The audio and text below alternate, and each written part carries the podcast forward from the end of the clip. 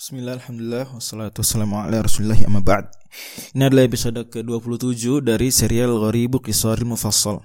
Dan kita kali ini akan membahas kata Al-Mughirat yang ada di surat Al-Adiyat masih. Memang Al-Adiyat banyak sekali kata-kata gharibnya. Kata Allah subhanahu wa ta'ala Fal-Mughirati subha. Demi atau kan tadinya bersumpah di awal demi kuda yang lari terengah Lantas kuda tersebut uh, menghentakkan kakinya sehingga memercikkan apa uh, bunga-bunga api.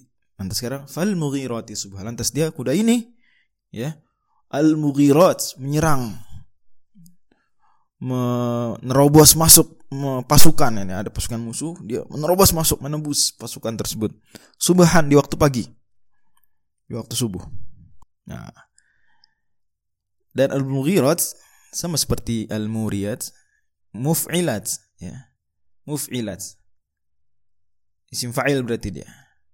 Muf'ilnya adalah ini isim fa'il bentuk dasarnya adalah mughirun. Mughirun. Berarti dia muf'ilun juga. Fi'ilnya berarti af'ala yuf'ilunya aghara yughiru igharatan masdar. Aghara yughiru igharatan. Dan Igorotan berarti asli kata dasarnya adalah goro. Yang goro ini uh, merupakan fiil ajwaf. Fiil ajwaf yang huruf tengahnya alifnya adalah wawi. Berarti ghain, waw dan ro. Makanya kita punya kata juga dalam bahasa Arab gaur yaitu go yaitu apa? Uh, Ghur adalah tanah datar yang kemudian cekung di tengah-tengahnya. Ghur.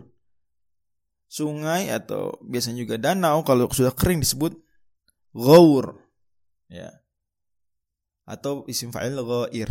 Makanya Allah firmankan di surat Al-Mulk ayat paling terakhir in asbahama ukum ghaura.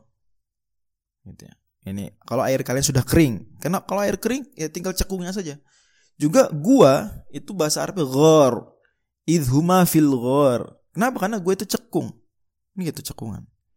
Di surat At-Taubah juga au magharatin. Sama.